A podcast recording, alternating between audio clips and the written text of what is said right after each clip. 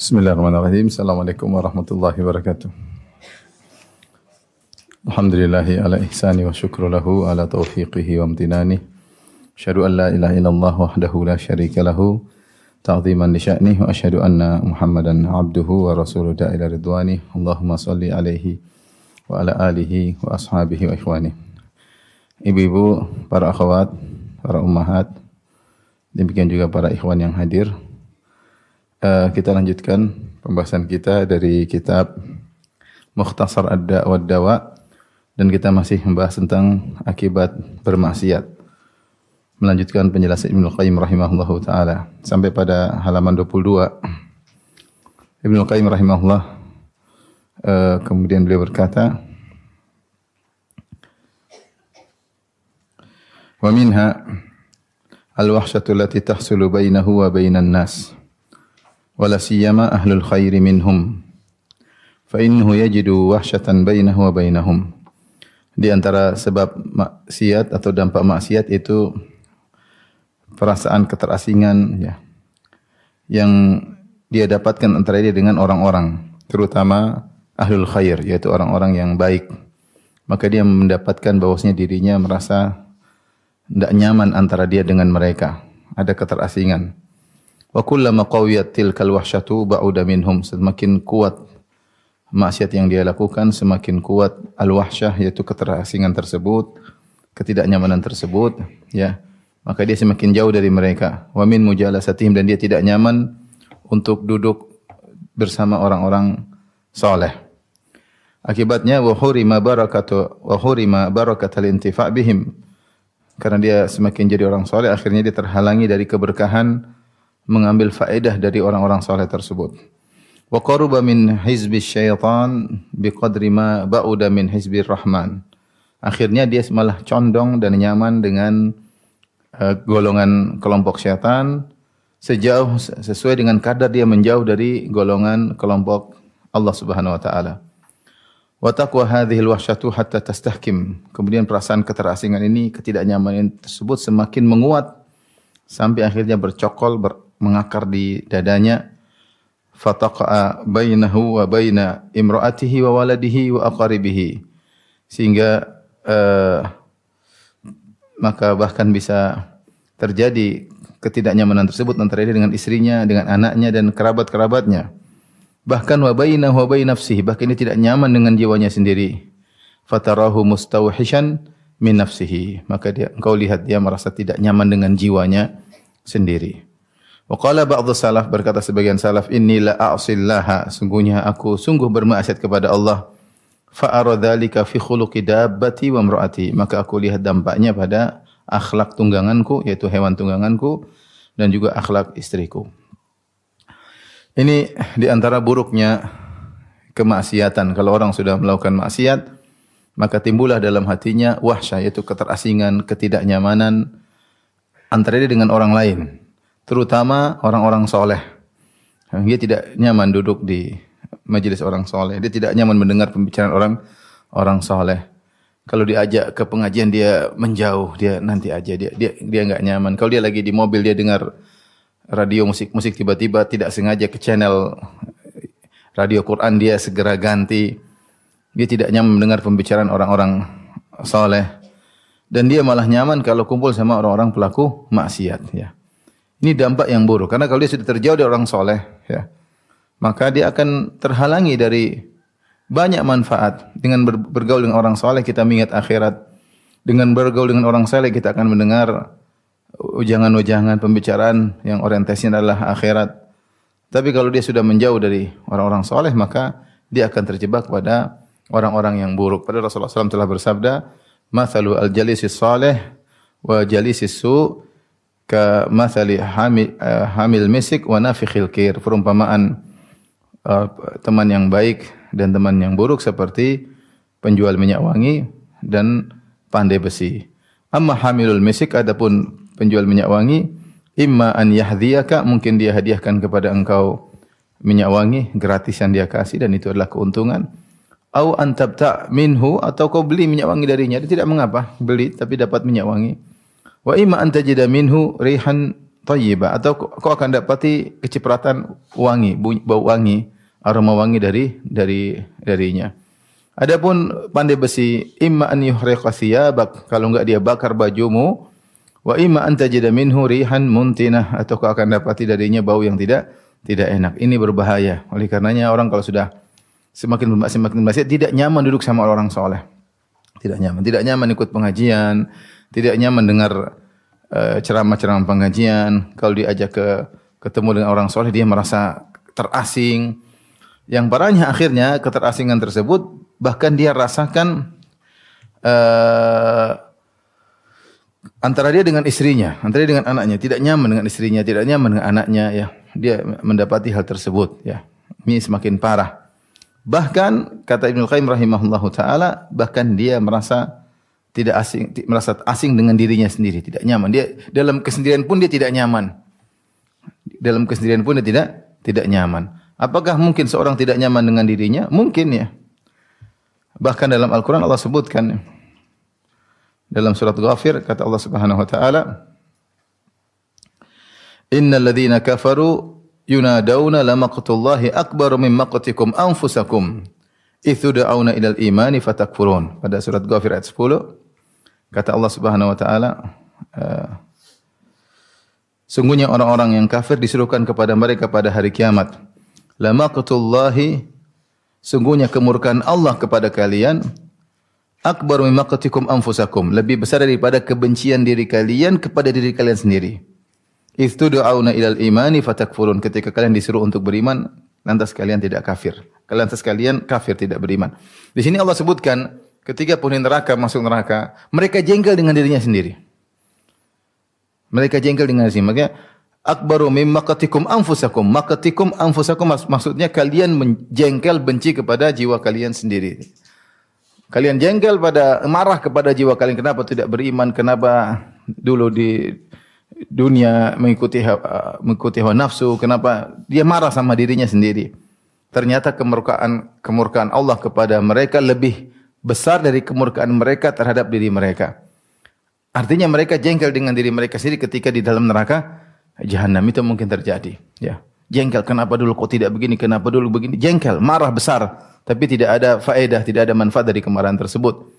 Meskipun besarnya kemarahan mereka terhadap diri mereka, ternyata kemurkaan Allah terhadap mereka lebih besar dari kemarahan mereka terhadap diri mereka. Ingin saya sampaikan dalam surat Ghafir ayat 10 bahwasanya seorang bisa saja jengkel dengan dengan dirinya. Orang kalau sudah bermaksiat, dia mungkin jengkel dengan diri, mungkin dia tidak nyaman, mungkin mungkin saja dia bunuh diri, dia jengkel dengan dirinya dia bunuh diri jengkel dengan dirinya dia bunuh diri. Ini bahayanya maksiat. Dimulai dari tidak nyaman dengan orang-orang soleh, menjauh, menjauh, menjauh, bergaul orang dengan orang yang buruk, akhirnya dia pun jengkel dengan dirinya sendiri. Fatarahu mustawhishan min nafsi. Kau lihat dia sendiri tidak nyaman dengan dirinya sendiri. Dan Ibnu Qayyim menyebutkan bahwasanya sebagian salaf berkata, sungguh aku bermaksiat kepada Allah, aku melihat dampaknya pada akhlak tungganganku dan juga akhlak istriku. Ada wahsyah antara dia dengan tunggangannya, antara dia dengan istrinya, ketidaknyamanan. Taib. Berikutnya wa minha di antara dampak maksiat dosa-dosa ya. Jadi kalau seorang misalnya sendiri kok dia nggak nyaman, dia jengkel dengan dirinya, mungkin dia harus banyak istighfar. Mungkin dia sering bermaksiat, makanya tidak nyaman dengan kesendiriannya. Jangan kan sama orang dengan dirinya tidak nyaman. Duduk sama orang tidak nyaman. Bisa jadi karena maksiat yang dia lakukan. Harusnya kalau orang itu soleh, ketemu orang soleh, ketemu wanita soleh, dia nyaman. Alhamdulillah.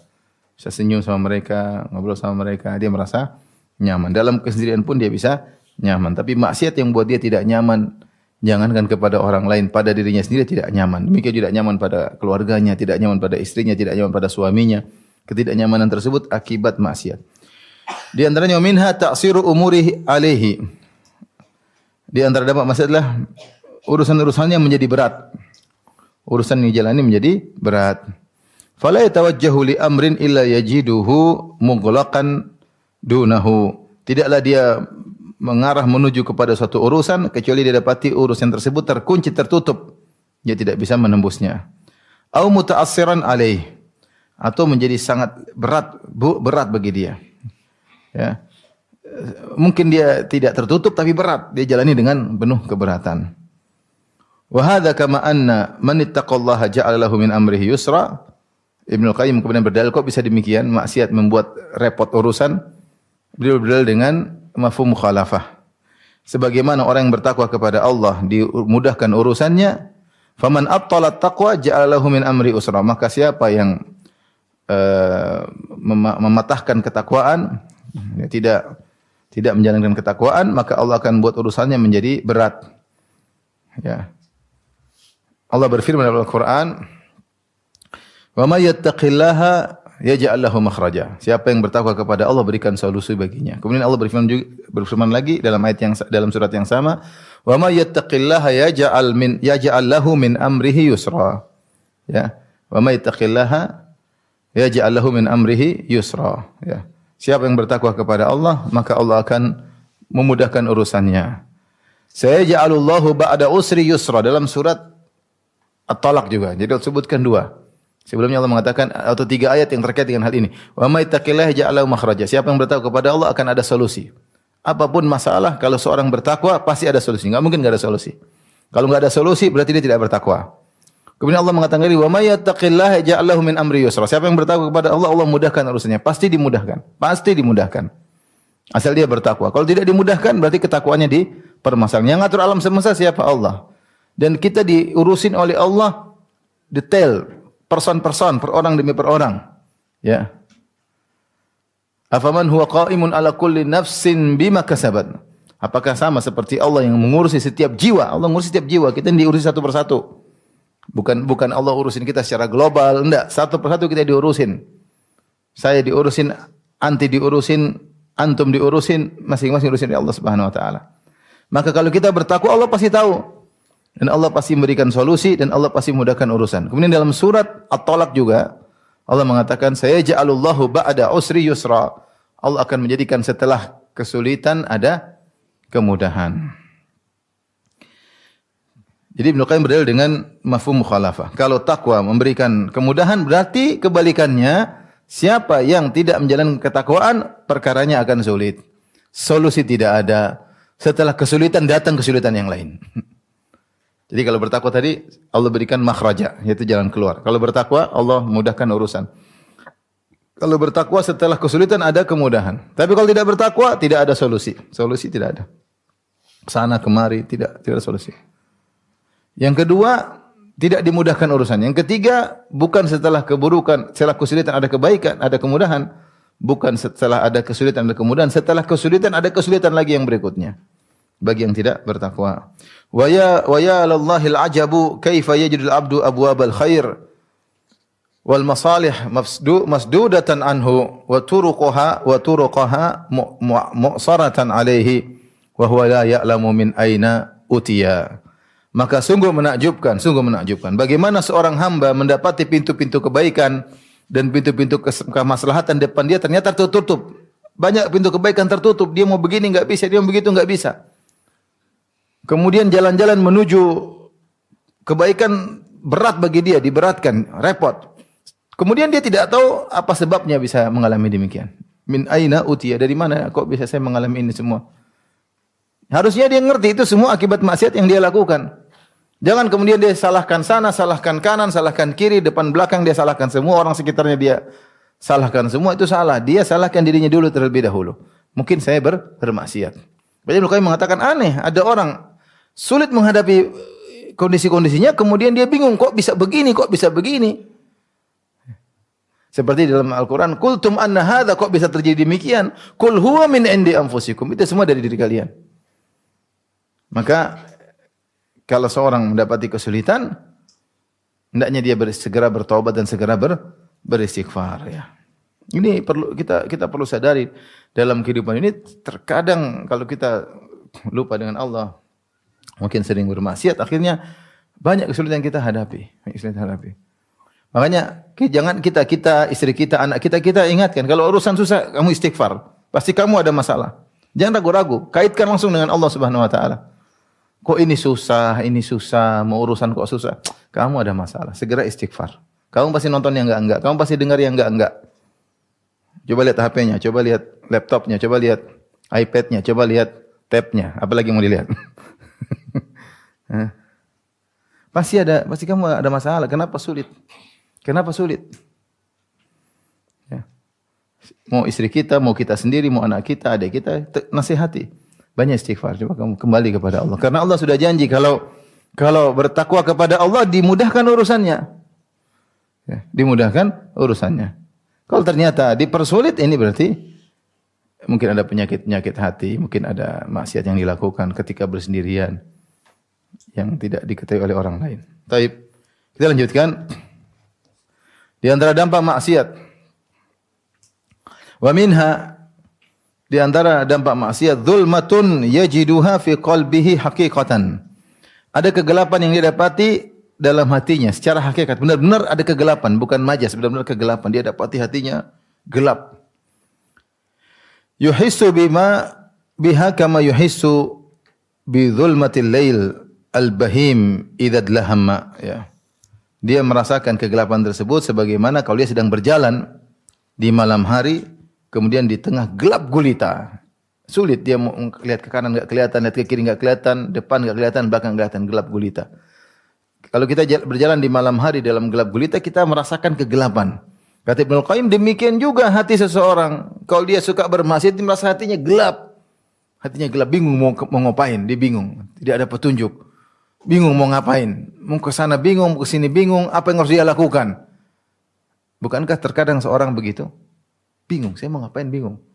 Mulai dari mana bingung? Semua tertutup, semua gelap.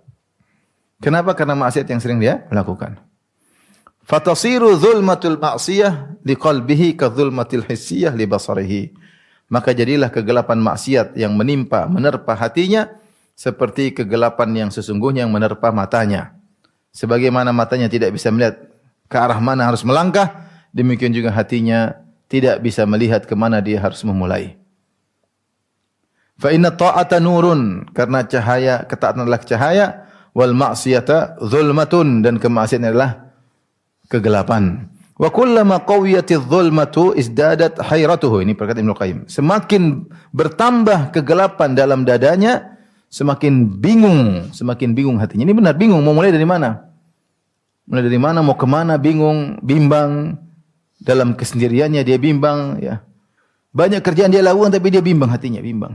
Tidak tahu mau bagaimana menangani hati ini yang sudah mengalami kegelapan hatta yaqa fil bid'ah wad dalalat wal umuril muhlikah wa huwa la yash'ur.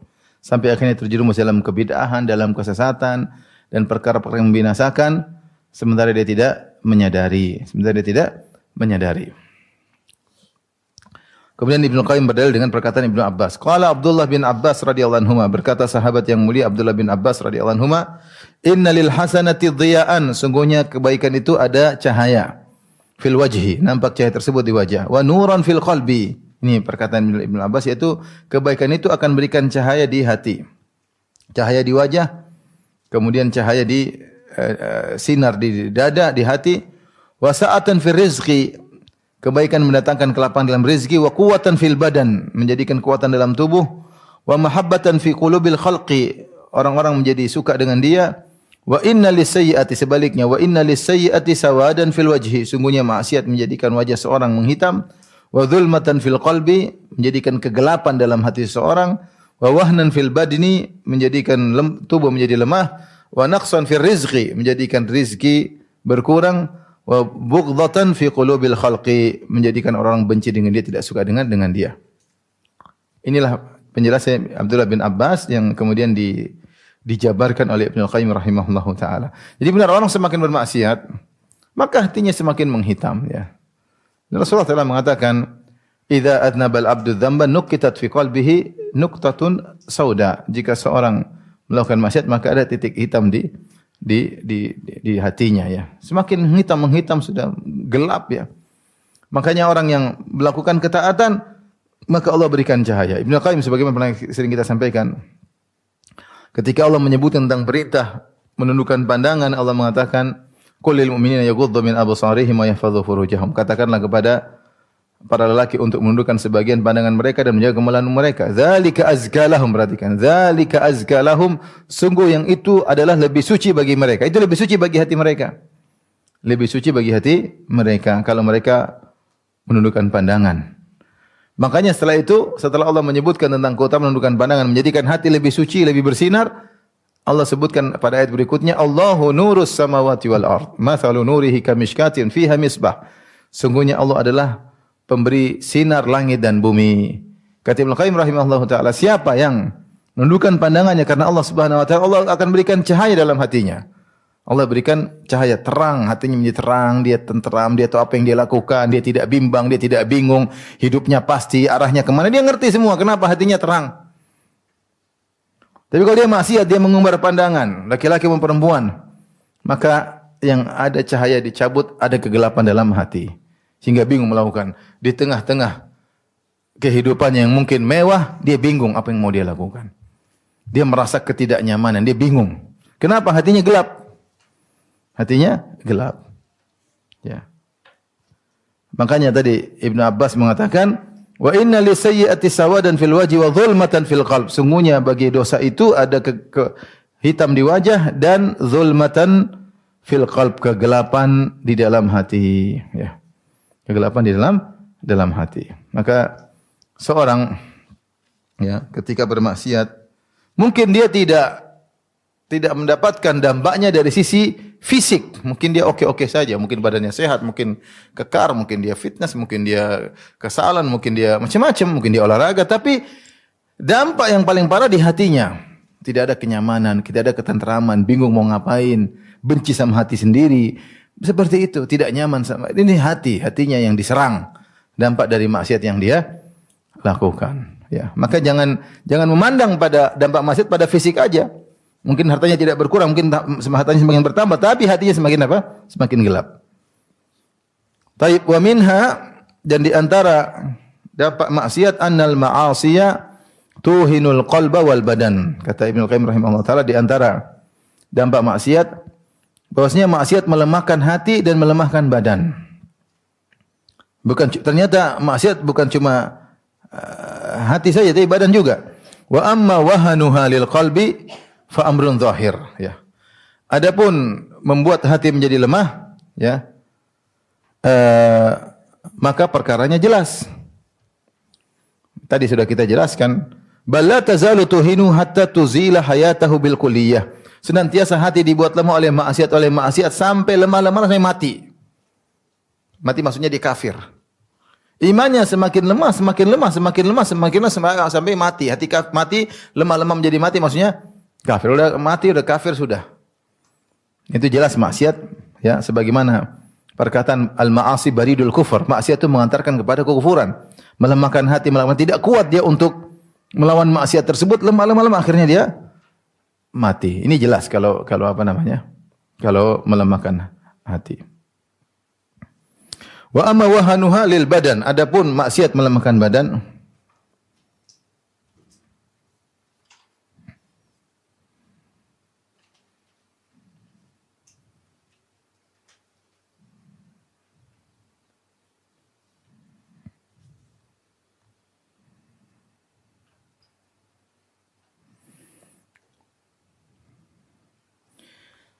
Adapun maksiat melemahkan badan, ya, mungkin bingung, Ustaz kok bisa maksiat melemahkan badan? Ibnu Qayyim menjelaskan.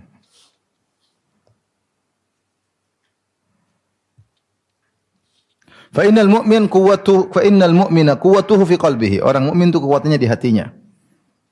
Wa kullama qawiya qalbuhu qawiya badanuhu. Semakin kuat hatinya semakin kuat badannya. Itu benar atau tidak? Benar. Bukan Syekh Abdul Razak sering cerita bagaimana dia lagi sholat malam, dia mendapat seorang guru dari Indonesia, tersebar cerita beliau. Kemudian tatkala itu salat malam, salat tarawih sampai bisa tiga jam. Ternyata di depan dia ada seorang Indonesia, kakinya buntung cuma satu saja, satu kaki saja tapi dia mampu untuk berdiri salat sampai tiga jam, salat tarawih. Sementara orang kakinya kuat, mau ke masjid nggak kuat, bangun malam nggak kuat. Ya, bangun malam nggak nggak kuat. Kenapa? Karena imannya kuat, membuat dia kuat melakukan kegiatan. Ya, maksudnya kekuatan iman ini, kekuatan hati berpengaruh pada kekuatan fisik. Itu itu benar ya. Kenyataannya ada ya. Ya. Kenyataannya ada. Kenapa? Himmah aliyah, semangat yang tinggi buat dia kuat menjalani kegiatan. Ya. Apalagi orang mukmin, apalagi orang orang mukmin.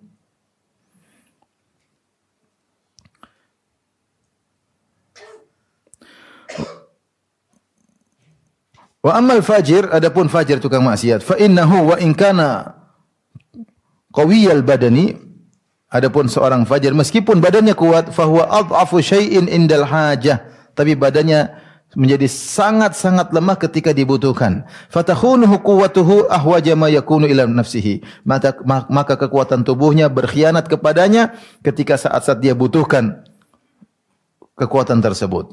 Apa buktinya? Beliau sebutkan wa ta'ammal jadi wa ta'ammal quwwata abdani Farisin wa Rum. Siapa yang ragu tentang kuatnya orang Persia dan Romawi? Kaifa khawanathum? Bagaimana mereka kekuatan mereka mengkhianati mereka? Baca kisah terang kisah perang antara Khalid bin Walid melawan mereka. Mereka enggak kuat. Musuh mereka kaum muslimin 40 ribu, mungkin mereka ratusan ribu tapi enggak kuat di hadapan Khalid bin Walid. Lemas. Kenapa iman mereka, hati mereka enggak kuat sehingga badan mereka pun enggak kuat. Ya. Dan itu punya pengaruh bahwasanya hati ini punya pengaruh terhadap kekuatan kekuatan uh, fisik, kekuatan fisik. Lihatlah bagaimana sahabat, kita baca kuatnya keiman mereka. Ja'far bin Abi Thalib radhiyallahu anhu ketika perang ketika perang Mu'tah ditemukan di tubuhnya 80 sekian luka di depan tubuhnya semua, tombak, setan pedang, panah. 80 semua di tubuhnya bagian depan, tidak ada satupun luka di belakang menunjukkan dia tidak pernah mundur sedikit, sedikit pun tidak pernah. Selalu maju ke depan. Mukbil ghairu mudbir. Maju tidak pernah mundur sehingga lukanya seluruh di depan. Ditemukan 70 atau 80 sekian. Kenapa tubuhnya kuat? Artinya dia terluka dia terus dia terus berperang. Kalau kalau kita imannya lemah mungkin sekali luka langsung tewas. sekali tusuk langsung tewas. Bayangkan sahabat luar biasa kalau baca cerita mereka bagaimana mereka bisa karena ini yang kuat. Sampai ada sahabat dalam satu perang tangannya putus satu, maka dia seret-seret tangannya, tangannya satu masih berperang. Sampai ketika dia nggak kuat, dia tarik supaya lepas tangannya dari. Tapi tangannya lepas sudah kesabet, dia masih perang. Kenapa ini dalam ini kuat sekali? Tatkala kita melihat Khalid bin Walid melawan Persia atau Romawi, jumlah mereka ratusan ribu, Khalid bin Walid cuma mungkin puluhan ribu, mereka nggak kuat berhadapan dengan kaum muslimin yang semangatnya luar biasa. Kata Khalid, aku mendatangi kalian suatu kaum yang mencintai kematian sebagaimana kalian mencintai kehidupan. Gentar mereka langsung. Gemetar. Nggak bisa apa-apa. Suatu kaum yang pingin hidup, pingin mati, sebagaimana kalian pingin apa? Hidup. Maksudnya benar Ibnu Qayyim tidak tidak tidak ngomong asal-asalan. Dia mengatakan lihatlah, renungkanlah tentang badan Persia dan Romawi. Kaifa khanatum bagaimana tubuh mereka yang tinggi ini orang Romawi, orang Eropa, besar-besar enggak? Besar-besar. Orang tertinggi di dunia sekarang katanya orang Belanda. Kalau diukur rata-rata tinggi, orang Belanda. Orang Jogja nggak tahu nomor berapa, tapi orang Belanda tinggi tinggi semua rata-rata tinggi-tinggi. Dua meter tuh banyak di sana ya. Artinya mereka dari dulu yang mereka jago-jago, tapi ketika berhadapan dengan orang-orang Arab, kaum muslimin yang beriman, kekuatan mereka berkhianat. Padahal mereka lagi butuh-butuhnya ketika itu. Mungkin sebelumnya kuat latihan begitu berhadapan nggak kuat. Wa qaharahum ahlul iman bi quwwati abnahim wa qulubihim sehingga mereka dikalahkan oleh ahlul iman dengan kekuatan badan mereka dan hati mereka. Dalam satu hadis yang mungkin saya bacakan terkait dengan hal ini dari Abu Hurairah radhiyallahu anhu mungkin ada kaitannya sedikit. Anna Rasulullah sallam qala Rasulullah sallam bersabda yaqidu syaitanu ala qafiyati ra'si ahadikum ya. Bahwasanya setan mengikat di tengkuk kepala seorang dari kalian itu. Sini. Idza huwa nama salasa uqat ketika dia tidur ada tiga simpul sika ikatan. Yadribu kulla uqdatin makanaha. Kemudian setiap ikatan diikat pada tempatnya, kemudian dia berkata alaika lailun tawil. Tenang aja, malam masih panjang. Farkud, tidur tidur. Ini setan yang pernah datang sama saya, pernah datang juga sama antum kayaknya. Tenang, tidur masih lama. Azan subuh masih lama, tenang. Sekarang baru nyampe. Bangun tidur lagi, tenang, masih lama. Farkut. Fa ini istaiqadha, kalau dia bangun, fa Allah dia mengingat Allah, berzikir pada Allah, in halat uqdatun, maka satu simpul lepas. Fa in tawadda'a in halat uqdatun, jika dia berwudu hilang lagi satu. Fa in shalla in halat uqaduhu, kalau dia salat maka hilang semua tiga kulluha, semua simpul hilang semua. Fa asbaha nasyitan tayyiban nafs, maka dia pagi hari semangat, perhatikan. Dia pagi hari semangat jiwa yang nyaman, thayyibun nafs. Wa illa kalau tidak asbaha khabithan nafs kaslan. Kalau tidak maka dia bangun malas-malasan padahal tidurnya lebih panjang. Tapi dia bangun malas-malas, jiwanya tidak nyaman. Ini dalil bahwasanya ketaatan mempengaruhi ke, ke kegiatan aktivitas ya dan kemaksiatan juga meng, apa namanya mempengaruhi apa? aktivitas ya. Jadi eh, apa yang disebut Ibnu Qayyim rahimahullah insyaallah eh, benar dan ada buktinya baik secara dalil maupun secara kenyataan. Taib, di antara di antara akibat maksiat. Subhanallah Ibnu Qayyim luar biasa ya. Dia menjelaskan satu-satu. Satu mungkin tidak terbetik dalam benak kita. Tapi bagaimana beliau mengurai satu persatu. Di antaranya hurmanut ta'ah. Terhalang dari ketaatan. Ini di antara akibat maksiat yang sangat-sangat memilukan. Ya. Dan inilah penyesalan setiap orang pada hari kiamat kelak. Yaqulu ya laitani qaddamtu li hayati. Ya. Kata Allah Subhanahu wa taala, "Ji'a yauma idzin bi jahannam, yauma idz yatadzakkarul insanu wa anna lahu dzikra, yaqulu ya laitani qaddamtu li hayati." Ketika di hari tersebut neraka dihadirkan, maka setiap manusia akan ingat apa yang dilakukan selama di dunia. Dia pun menyesal dia berkata, "Ya laitani qaddamtu li hayati." Seandainya saya dulu di dunia melakukan banyak ketaatan untuk kehidupanku sungguhnya di akhirat. Kenapa ketika di dunia banyak ketaatan yang saya lewatkan, saya habiskan yang tidak bermanfaat, apalagi untuk maksiat, banyak. Untuk nonton film Korea aja butuh berapa jam, ibu-ibu? Jangan pura-pura tidak tahu. Satu seri berapa menit, ibu-ibu? Hmm, bisik-bisik. Berapa, itu? Film India. Telenovela. Ya, nonton layangan nyambung. Sinetron ya. Ratu sinetron. Kok oh, tanya kok Ustaz tahu lah. Ustaz Ustaz banyak informasi, banyak informan. Ngeri. Waktu terbuang-buang, maksiat, yang jadi penyesalan. Jadi di antara dampak paling buruk di antara dampak maksiat adalah hirmanut ta'ah terhalang dari ketaatan. Yang ini semua akan menimbulkan penyesalan pada hari kiamat kelak. Kata Ibnu Qayyim, "Falau lam yakun lidzambi uqubatun illa an yusadda an ta'atin takunu badalahu wa taqta'u tariqa ta'atin ukhra fayanqati 'alaihi bidzambi tariqun thalitsatun thumma rabi'atun wa huwa majarra fayanqati anhu bidzambi ta'atun katsiratun." kullu wahidatin minha khairun lahu minad dunya wa ma 'alaiha wa hadha karajulin akala aklatan awjabat lahu maradatan tawilatan mana mana'athu min iddati akalatin atyaba minha wallahu musta'an kata Ibnu Qayyim rahimahullah taala ini kayaknya ada khabarnya yang enggak disebutkan Allah alam intinya Ibnu Qayyim mengatakan seandainya tidak ada akibat dari dosa, saya ulangi, hirman ta'ah, seandainya tidak ada akibat dari dosa kecuali ini maka sudah cukup. Sudah cukup menunjukkan dosa itu dampaknya sangat buruk. Apa dampak yang disebut oleh Ibnu Qayyim di sini kata beliau? Dampak dosa seharusnya dia melakukan maksiat. Eh, seharusnya orang melakukan ketaatan. Tapi gara-gara yang melakukan maksiat, maka ketaatan yang harus dia lakukan itu ter, terhalangilah darinya.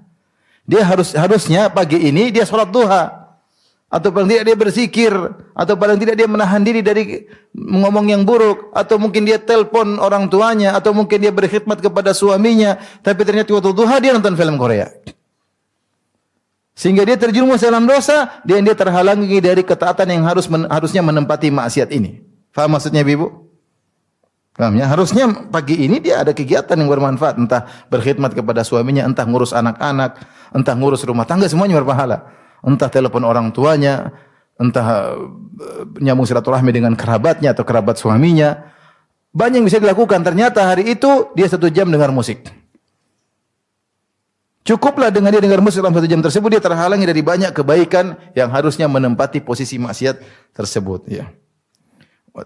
Antaatin takunu badalahu wa taqta'u tariqa ta'atin ukhra. Kemudian dampak berikutnya menghalangi dari ketaatan selanjutnya. Dari ketaatan sendiri. Karena ketaatan akan bawa kepada ketaatan yang lain. Ketaatan membawakan membawa kepada ketaatan yang lain. Fayanqati alaihi bidzambi tariqun thalitsatun. Gara-gara dosa yang dia lakukan, maka dia terhalangi dari ketaatan yang ketiga, jalan yang ketiga ya. Berturut-turut. Kemudian tsumarabiatun gara-gara dia maksiat ini akhirnya ada ketaatan yang keempat yang terhalangi. Kenapa ini sesuai kaidah bahwasanya seorang yang melakukan kebaikan akan mengantarkan kepada kebaikan yang yang lain. Sebagaimana seorang melakukan maksiat akan melakukan maksiat yang yang lain. Ya. Ada akan datang membahasnya, tapi saya sebutkan di awal bahwasanya kebaikan mendatangkan kebaikan yang yang lain. Ya Allah Subhanahu wa taala uh, telah menyebutkan dalam uh, Al-Quran bahwasanya orang jika melakukan kata Allah may yaktarif hasanatan nazid lahu fiha husna ya. Saya carikan ayatnya.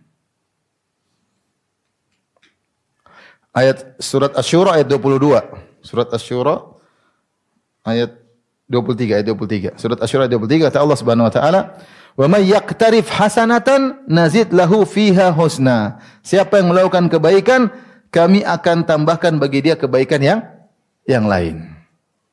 Ya. Kami akan datangkan bagi dia kebaikan yang lain ya. Sebaliknya kalau orang melakukan maksiat, maka akan melakukan maksiat yang lain.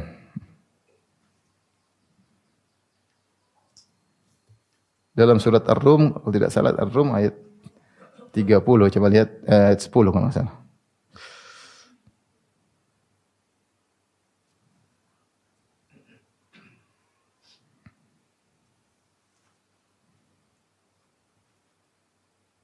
Iya. Kata Allah Subhanahu wa taala surat ayat 10 Ar-Rum ayat 10, "Tsumma kana aqibatal ladzina asa'us su'a." Kemudian akibat dari orang yang berbuat keburukan adalah keburukan yang lain. Jadi jelas melakukan kebaikan menimbulkan kebaikan yang lain. Melakukan keburukan menimbulkan keburukan yang lain. Maka jika seorang maksiat, ketaatan yang banyak terhalangi, yang harusnya kalau dia melakukan kebaikan akan mengantar pada kebaikan-kebaikan yang kedua, ketiga, keempat dan seterusnya. Gara-gara dia maksiat, kebaikan yang ber, bersilsilah ini dia tidak dapat. Sayang, itu dampaknya maksiat terhalangi dari ke, ke, kebaikan yang berkelanjutan. Sederhana misalnya ada orang dia tinggal satu, dia pilih, dia mau ke masjid atau mau ke kafe, mau ke diskotik. Begitu dia ke masjid banyak kebaikan selanjutnya. Situ dia mungkin pengajian, mungkin orang soleh, mungkin seterusnya dan itu berlanjut pada kehidupannya. Tapi kalau dia ke diskotik, ketemu ini, ketemu anu, ketemu ini berlanjut dengan maksiat-maksiat yang yang lainnya. Kata Ibnu Qayyim, demikianlah dia terhalangi dari ke kebaikan yang ketiga. Kebaikan yang keempat, walah wahalum majarra dan seterusnya demikian terhalangi banyak kebaikan. Fayang qati'u anhu bidzambi ta'atun katsirah. Gara-gara dia melakukan satu dosa, dia terhalangi dari banyak ketaatan. Kullu wahidatin minha khairun lahu minad dunya wa ma 'alaiha. Setiap kebaikan yang terluput darinya lebih baik daripada dunia dan seisinya. Terhalangi dari mungkin salat dua rakaat sebelum subuh dan kita tahu salat dua rakaat sebelum subuh lebih baik daripada dunia dan seisinya. Demikian juga kebaikan-kebaikan yang lain. Kenapa? Karena setiap kebaikan akan diberi ganjaran yang abadi di surga. Yang setiap ganjaran kebaikan itu lebih baik daripada dunia dan seisinya. Kenapa? Karena dunia seisi ini akan fana, sirna. Dan kenikmatannya tidak sempurna. Tidak ada kenikmatan dunia yang sempurna, enggak ada. Sudah tidak sempurna dia akan sirna. Maka setiap ketaatan akan dibalas dengan kenikmatan yang sempurna dan abadi. Maka benarlah perkataan Ibnu Qayyim, jika seorang bermaksiat, dia akan terhalangi dari banyak ketaatan-ketaatan yang setiap ketaatan ganjaran lebih baik kepada dunia dan seisinya. Wa hadza karajulin kemudian beliau memberikan perumpamaan Wa hadza karajulun akala aklatan aw jabat lahu maradatan. Seperti seorang yang makan makanan yang menimbulkan sakit tawilatan, sakit yang berkepanjangan. Mana athu min iddati akalat atyab minha akhirnya akhirnya mengakibatkan dia terhalangi tidak bisa makan makanan yang baik banyak ya. Wallahul musta'an. Seperti itu. Jadi orang kalau sudah sakit, mau makan ini enggak boleh, ini makan enggak boleh. Kenapa? Gara-gara satu penyakit ini. Jadi nggak boleh makan ini, nggak boleh makan itu, nggak boleh makan ini. Kenapa? Gara-gara ini tidak ada penyakit ini bisa makan semuanya. Kira-kira juga dosa demikian. Sudah dosa ini banyak kebaikan yang dia terhalangi darinya. Ini sudah cukup buat orang berhenti maksiat. Makanya uh, setiap orang melakukan maksiat disebut jahil. Ya.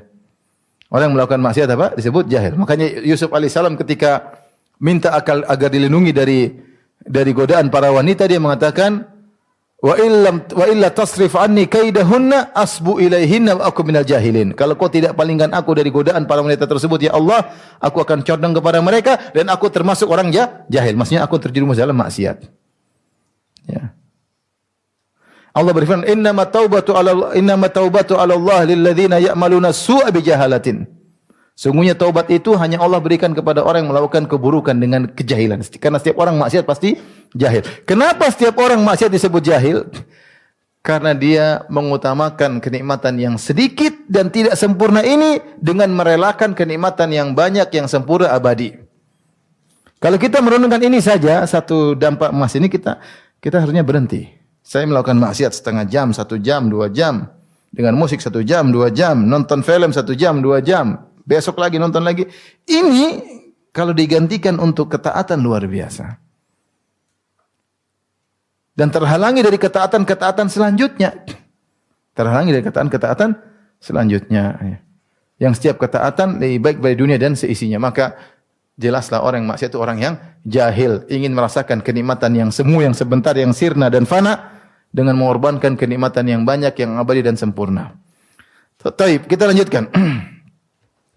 Wa minha di antara dampak maksiat.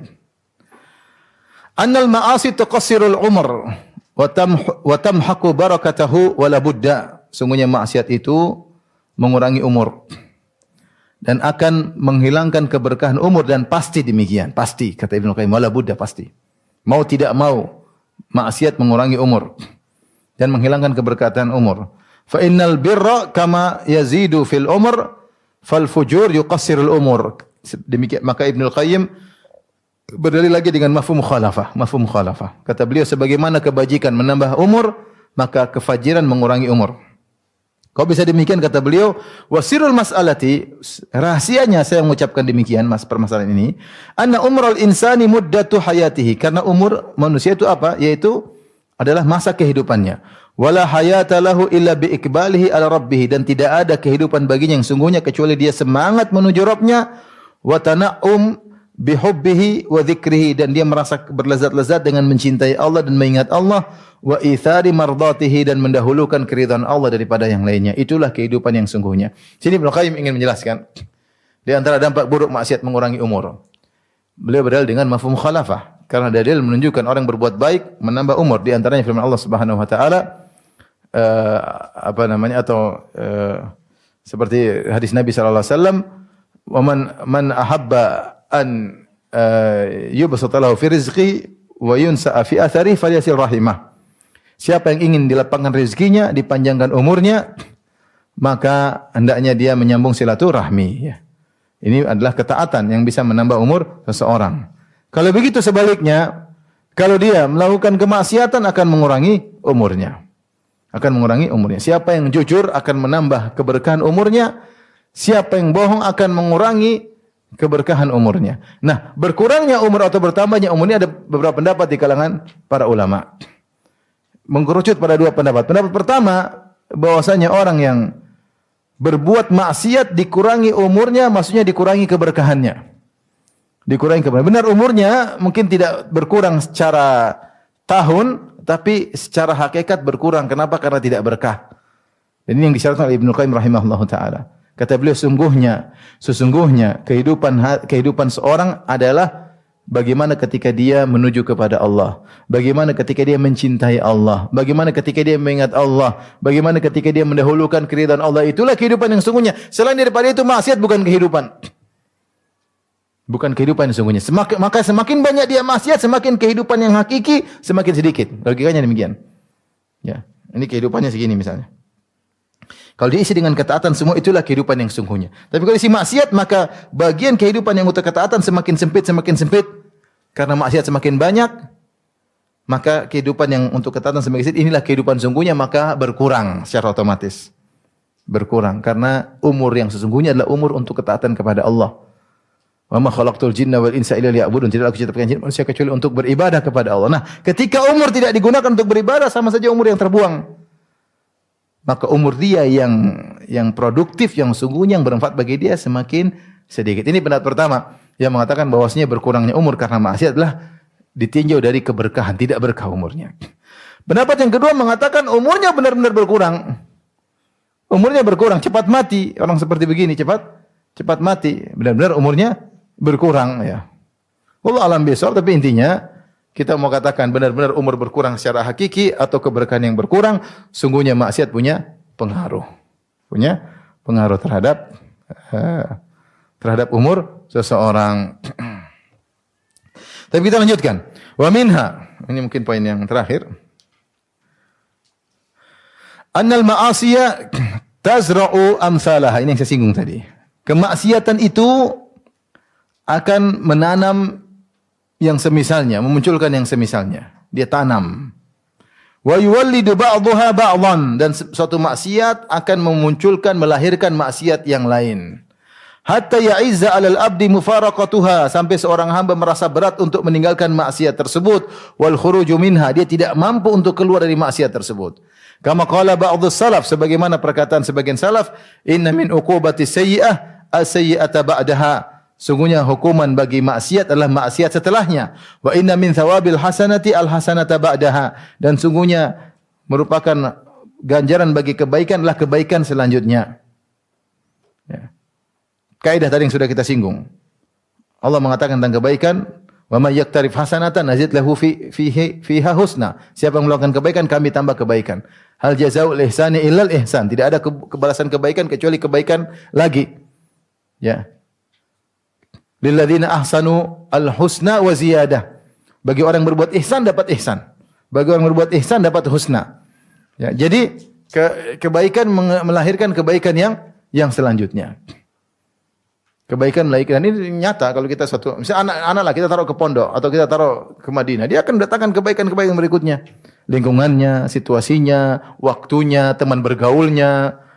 Kebaikan terus dia dapatkan. Kenapa dia diawali dengan satu kebaikan berdampak pada kebaikan-kebaikan yang yang lain. Sebaliknya, di antara hukuman kemaksiatan adalah kemaksiatan selanjutnya. Ya. Semakana akibatal ladzina asa'us su'a kata Allah Subhanahu wa dalam surat Rum dari ayat 10. Kata Allah Subhanahu wa taala, kemudian hukuman bagi orang yang bermaksiatlah dosa yang selanjutnya. Kata Allah, "Falamma zagu azagallahu qulubahum." Tatkala tatkala mereka menyimpang Allah simpangkan lagi hati mereka. Ini bahaya. Tatkala menyimpang Allah simpangkan lagi hati mereka. Allah juga berfirman, wa nuqallibu afidatahum absarahum kama lam yu'minu bihi awwal marrah wa nadharuhum fi tughyanihim ya'mahun. Kami palingkan hati mereka dan palingkan mata mereka Kenapa? Dari kebaikan kenapa dipalingkan? Kama lam yu'minu bihi awwal marrah karena di awal mereka tidak beriman.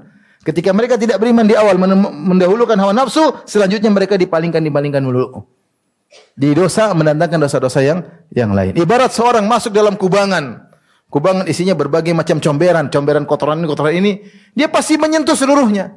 Dari satu comberan, comberan berikutnya, kotoran demikianlah kalau orang sudah beriman dengan maksiat. Maka maksiat akan memanggil teman-temannya, ayo, orang ini lagi bermaksiat. Lihatlah orang yang bermaksiat dari bernyanyi, pemusik, akhirnya ber, selanjutnya kepada khamar, mabuk. Kepada khamar kemudian narkoba. Dan narkoba kemudian apa? Zina dan demikian. Kemudian kadang-kadang bunuh diri. Sebagai maksiat. Satu maksiat ter, terbawa kepada maksiat yang lainnya. Kepada maksiat yang yang lainnya. Waliyadzubillah ya. Oleh karenanya hati-hati. Saya sebutin dalilnya tadi bahwasanya kemaksiatan adapun orang berbuat kebaikan datang kebaikan yang yang lainnya ya. Wa man yaqtarif hasanatan nazid lahu fiha husna. Siapa yang buat kebaikan kami tambahkan bagi dia kebaikan yang lainnya. Kata Allah Subhanahu wa taala, "Wa man yu'min wa man yu'min billahi yahdi qalbah." Siapa yang beriman kepada Allah, kami beri petunjuk kepada hatinya. Jadi kebaikan disusul dengan kebaikan yang yang lain. Makanya ibu-ibu jangan coba-coba bikin maksiat. Itu maksiat tidak berhenti di situ saja. Seandainya maksiat selesai tidak ada temannya, mungkin lebih mending. Hampir tidak ada maksiat berhenti di situ, nggak ada. Lanjut. Ya, masuk dunia maya, mulai satu lihat ini, lihat ini, oh ketemu teman lama, kemudian bernostalgia kemaksiatan, dulu ini pacar saya, oh ini pacar kedua saya, pacar ketujuh saya, mulai. Mulai macam-macam, mulai ini, mulai ini. Oh, dulu nostalgia kita dengar musik, nonton film apa, terus begitu. Terus. Seandainya cuma berhenti satu maksiat masih mending. Namun kenyataannya tidak demikian. Kenyataannya seorang terjerumus dalam maksiat berlanjut pada maksiat berikutnya. Karena demikianlah kaidah yang disebutkan oleh para salaf. Ketika dia sudah terjebak dalam kubangan maksiat, dia sulit untuk meninggalkannya. Ya. Alam taro anna arsalna syayatina alal kafirina ta'uzzuhum azza. Kata Allah, tidakkah kau lihat bagaimana kami kirim setan-setan kepada penolong-penolong pada pelaku maksiat ta'uzzum di, di, di, di motivasi. Ayo, ayo, ayo, ayo. Kalau sudah maksiat sudah susah meninggalkannya. Sudah kecanduan sudah susah. Apa kata syaitan, iblis berjanji di depan Allah Subhanahu wa taala? Ya. Wala uzayyinana lahum fil ardi. Sungguh aku akan menghiasi maksiat kepada anak Adam di atas muka bumi. Kata para ulama yang menafsirkan ayat ini, yaitu aku akan buat dia gelisah kalau tidak bermaksiat. Gelisah kalau tidak bermaksiat. Harus bermaksiat, harus bermaksiat. Maka jangan coba-coba ibu. Kalau bermaksiat langsung istighfar. Astagfirullah, astagfirullah. Sekarang maksiat di mana-mana. Tidak pandang bulu. Muda, tua, sudah berkeluarga belum berkeluarga, muda kakek nenek, semuanya bisa kena maksiat. Taib. Kemudian kata Ibnu Qayyim, "Wala yazalul abdu yu'ani ta'ata wa ya'lafuha wa yuhibbuha wa yu'thiruha hatta yursil Allah Subhanahu wa taala bi rahmati 'alal malaikata ta'uzzuhu ilaiha azza." Senantiasa seorang hamba berusaha untuk taat, mungkin berat bagi dia, tapi dia paksa. Yu'ani, yu'ani itu dia merasa berat. Untuk bangun subuh, untuk pergi ke masjid dia lawan. Dia untuk puasa sunnah, dia Terus dia berusaha sampai dia sudah jadi biasa dengan ketaatan tersebut. Malah dia mencintai ketaatan tersebut. Kalau dia tidak lakukan dia merasa kurang. Bahkan dia mendahulukan ketaatan tersebut daripada yang lainnya. Sampai akhirnya Allah dengan kasih sayangnya mengirim malaikat untuk menguatkan dia.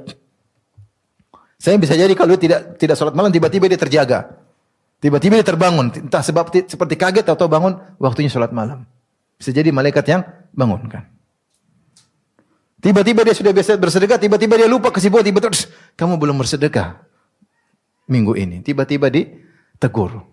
Allah kirimkan penolong untuk mengingatkan dia. Kenapa dia sudah berusaha dan berusaha? Wa tuharriduhu alaihi menyemangati dia untuk melakukannya. Wa tus'ijuhu an firashihi wa majlisi ilaiha. Membuat dia gelisah, dia tidur terus gelisah, dia harus bangun salat. Dia di rumah tidak mau pengajian, aduh pengajian ah, saya harus berangkat ke masjid. Gelisah kalau dia tidak melakukan. Kenapa? Ada malaikat yang bikin dia gelisah. Ada malaikat yang bikin dia gelisah untuk tidak ketika tidak melakukan ketaatan. Dia gelisah. Sebaliknya, wala yazalu ya'laful ma'asi wa yuhibbuha. Senantiasa seorang melakukan maksiat, mencintainya, wa yu'thiruha, bahkan dia mendahulukan maksiat daripada yang lain hatta yursilallahu alaihi syayatin fata'uzzuhum ilaiha azza. Maka Allah kirimkan setan-setan untuk memotivasinya memprovokasinya. Dia tidak tidak nyaman kalau tidak bermaksiat. Fal awwala qawwa jundat ta'ati bil madad fasaru min akbari a'wanihi wa hadha qawwa jundal ma'siyati bil madad fakanu a'wanan alaihi. Maka yang pertama Allah uh, menguatkan pasukan ketaatan Allah kirim dengan bil madad dengan bantuan. Allah ketaatan Allah bantu dengan bantuan-bantuan malaikat. Maka jadilah malaikat-malaikat tersebut ya menjadi kekuatan besar untuk menolongnya sehingga dia semangat ber, melakukan ketaatan. Yang satu sebaliknya Allah kirim untuk pasukannya kemaksiatannya setan-setan. Maka setan-setan tersebut merupakan penolong yang paling kuat untuk membuat dia terjerumus dalam maksiat. Demikian saja yang dirahmati Allah Subhanahu wa taala kajian kita insyaallah kita lanjutkan pada kesempatan berikutnya masih lanjut pada sebab sebab akibat atau akibat dosa pada pertemuan yang ketiga insyaallah taala. Wabillahi taufiq Assalamualaikum warahmatullahi wabarakatuh.